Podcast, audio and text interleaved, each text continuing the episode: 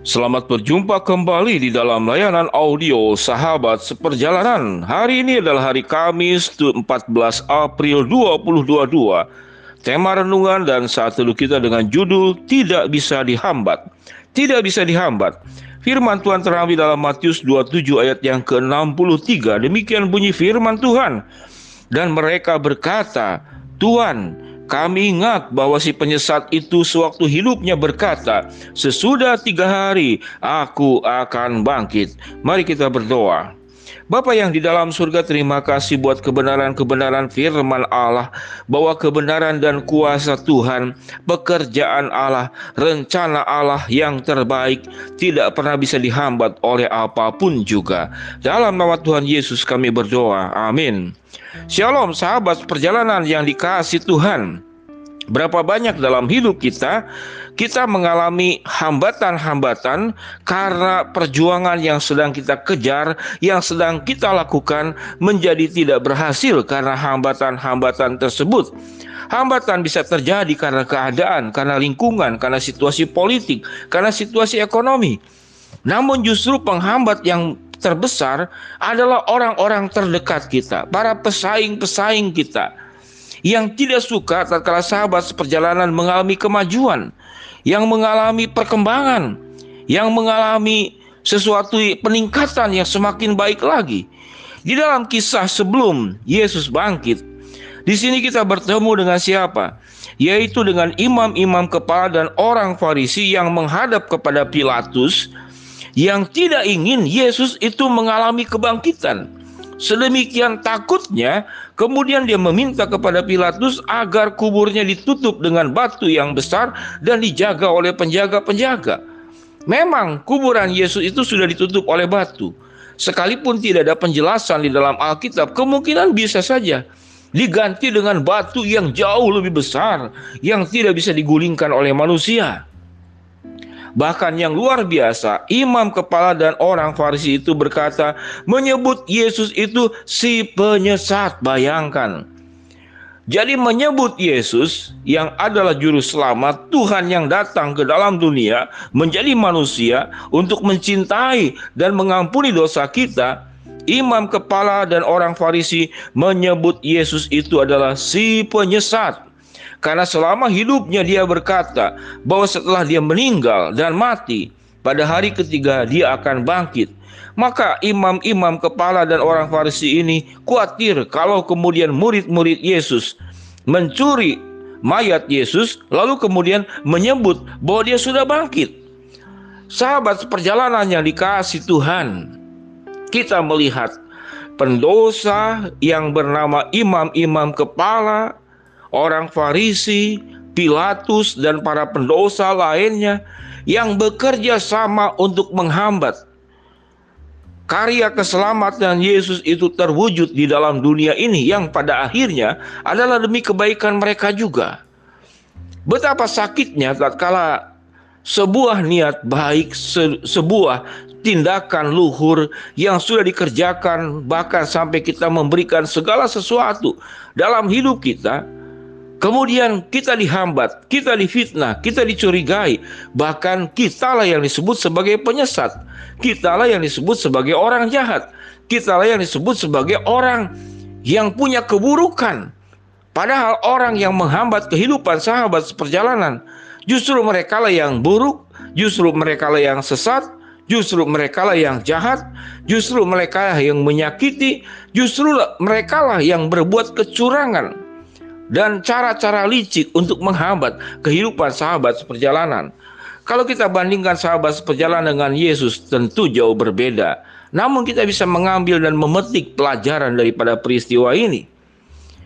Dalam kehidupan sahabat seperjalanan, berapa banyak menjadi sangat terluka karena engkau dihambat, engkau benar, engkau difitnah salah. Engkau rajin, engkau disebut sebagai pemalas engkau yang berjuang berjerih payah, namun engkau yang dianggap tidak melakukan apa-apa. Sementara mereka yang memfitnah, mereka yang menghambat, mereka yang berlaku licik, curang, culas, dan jahat, mengambil keuntungan dengan berita-berita kebohongan yang disampaikan untuk memojokkanmu, untuk merusak nama baikmu, untuk mematikan masa depanmu, untuk menjatuhkan perjalanan kehidupan, karir, dan segala sesuatu dalam kehidupanmu. Mana yang sangat melukai dalam kehidupan kita adalah justru pengkhianatan-pengkhianatan yang seperti demikian. Sahabat perjalanan, kalau kita berkaca, karena hari ini adalah hari Kamis, besok adalah Jumat Agung, kemudian hari Paskah tiga hari kemudian, sahabat perjalanan, tatkala kita merenungkan Tuhan yang maha sempurna pun begitu luar biasa Begitu luar biasa. Dihambat, difitnah, diberitakan hal-hal yang buruk, diputar balikan. Setelah Yesus mati, setelah Jumat Agung, kemudian ketakutan karena Yesus yang berkata selama hidupnya, Aku akan bangkit pada hari yang ketiga. Ketakutan kemudian kalau benar-benar Yesus bangkit, itu tentu akan memburukan dan menghancurkan keyakinan yang sudah dipegang oleh imam-imam kepala, oleh orang-orang Farisi, oleh orang-orang Yahudi. Segala cara dilakukan untuk menghambat pekerjaan Tuhan. Demikian juga sahabat seperjalanan. Kala kita hidup dihambat oleh orang-orang tertentu, oleh keadaan tertentu, oleh komunitas tertentu, engkau sudah berjalan di jalan yang benar, engkau sudah melakukan melakukan perkara-perkara yang benar, hatimu tulus, hatimu sungguh-sungguh melakukan segala sesuatu dengan bertanggung jawab sesuai dengan apa yang Tuhan mau, maka tidak selalu perjalanan perjuangan kita itu berjalan dengan mulus. Kita akan mengalami hambatan demi hambatan. Apa pun yang kau kerjakan, apa pun yang kau lakukan, Mungkin yang timbul dalam dirimu adalah kekecewaan, rasa sakit yang luar biasa. Namun ingatlah, kalau engkau hidup benar bersama dengan Tuhan, Tuhan akan membukakan kebenaran itu, menerbitkan hakmu seperti siang dan kebenaranmu seperti terang. Itu yang tercatat dalam Mazmur pasal yang ke-37. Tuhan tidak akan tinggal diam. Tuhan akan menjadi pembelamu. Yang jahat akan terungkap sebagai kejahatan, yang baik akan terungkap sebagai kebaikan.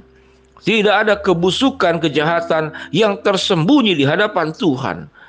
Dengan demikian sahabat seperjalanan, maukah kita di dalam suasana suasana Jumat Agung dan Paskah menyaksikan bagaimana perjuangan Yesus di dalam menegakkan kebenaran. Tidak ada yang bisa menghambatmu dan Yesus pun pada akhirnya bangkit. Malaikat Tuhan turun dari sorga, menggulingkan batu, dan kemudian Yesus yang sudah bangkit itu sudah tidak ada di tempat itu. Dan malaikat menjadi saksi dan orang-orang kemudian tercengang-cengang termasuk imam-imam kepala dan orang Farisi. Sahabat perjalanan, tidak ada yang bisa menghabat kehidupanmu. Kalau engkau hidup dalam kebenaran dan Tuhan menyertai engkau, pada akhirnya kejahatan akan dibongkar, kebaikan pun akan diterbitkan. Mari kita berdoa. Bapak yang di dalam surga kami sudah belajar tidak bisa dihambat. Biarlah kehidupan tatkala kehidupan kami tatkala mengalami perkara-perkara yang sama seperti yang dialami oleh Tuhan kami tahu Tuhanlah yang akan membela dan tidak ada yang bisa menghambat kehidupan kami dalam kebenaran. Sukses keberhasilan Tuhan bisa berikan dengan cara Tuhan. Hambamu berdoa buat sahabat perjalanan yang sedang sakit, Tuhan jamah sembuhkan. Sahabat perjalanan yang sedang menghadapi masalah, Tuhan bukakan jalan sebagaimana Tuhan menggulingkan batu yang batu dalam kuburan Yesus. Dan bagi kami yang memohon sesuatu, Tuhan akan kabulkan dengan cara dan waktumu. Dalam nama Tuhan Yesus kami berdoa. Amin. Shalom sahabat perjalanan, tidak ada yang bisa menghambatmu. Tak kala engkau hidup berjalan bersama dengan Tuhan. Shalom, Tuhan memberkati kita semua. Amin.